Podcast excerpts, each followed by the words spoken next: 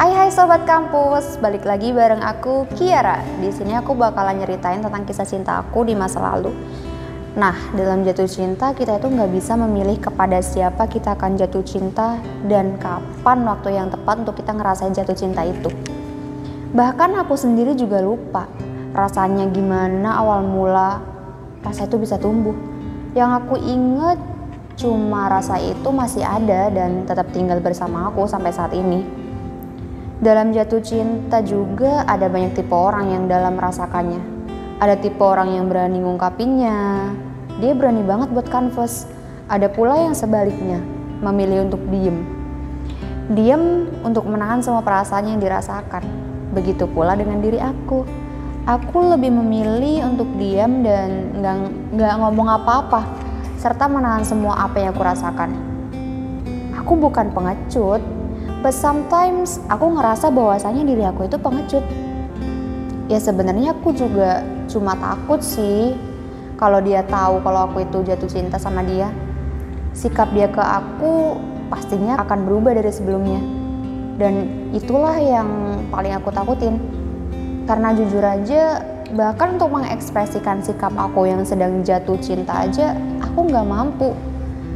Ya aku akuin sih kalau aku emang seorang pengecut yang gak berani buat canvas soal apa yang aku rasain selama ini sama dia.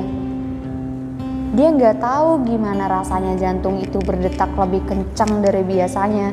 Dan dia itu juga nggak tahu betapa bercabangnya yang ada di pikiran aku saat itu. Karena yang terlihat saat itu aku adalah sesosok temannya. Sama seperti teman-teman dia yang lainnya juga Kadang aku bingung kalau ada yang bilang cinta itu nggak perlu alasannya pasti. Sebab sampai saat ini aku juga masih mencari tahu dan bahkan belum tahu alasannya pasti untuk semua itu. Alasannya pasti kenapa aku harus fall, in love sama dia.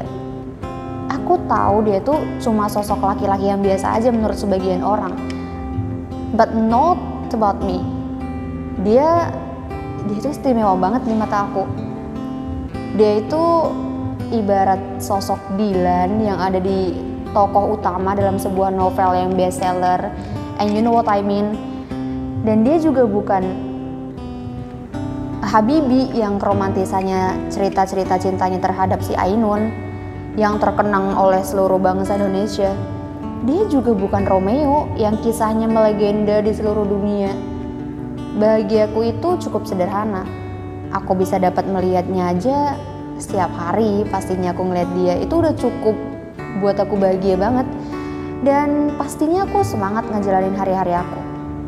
Aku seneng kalau ketemu sama dia walaupun harus pura-pura bersikap biasa aja layaknya seorang teman di depannya.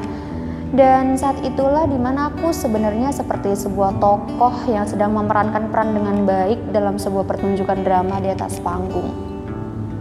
Nah, Pesan-pesan aku buat sobat kampus kali ini yang masih memilih diam daripada mengungkapkan Terkadang memendam adalah pilihan satu-satunya agar semua terlihat baik-baik aja.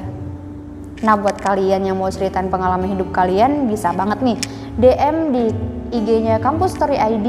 Kalau kalian mau disamarin namanya bisa banget kok atau kalian juga bisa request siapa yang mau uh, jadi pengisi suaranya atau mau kalian sendiri yang jadi pengisi suaranya. Oke, aku Kiara pamit. Bye bye.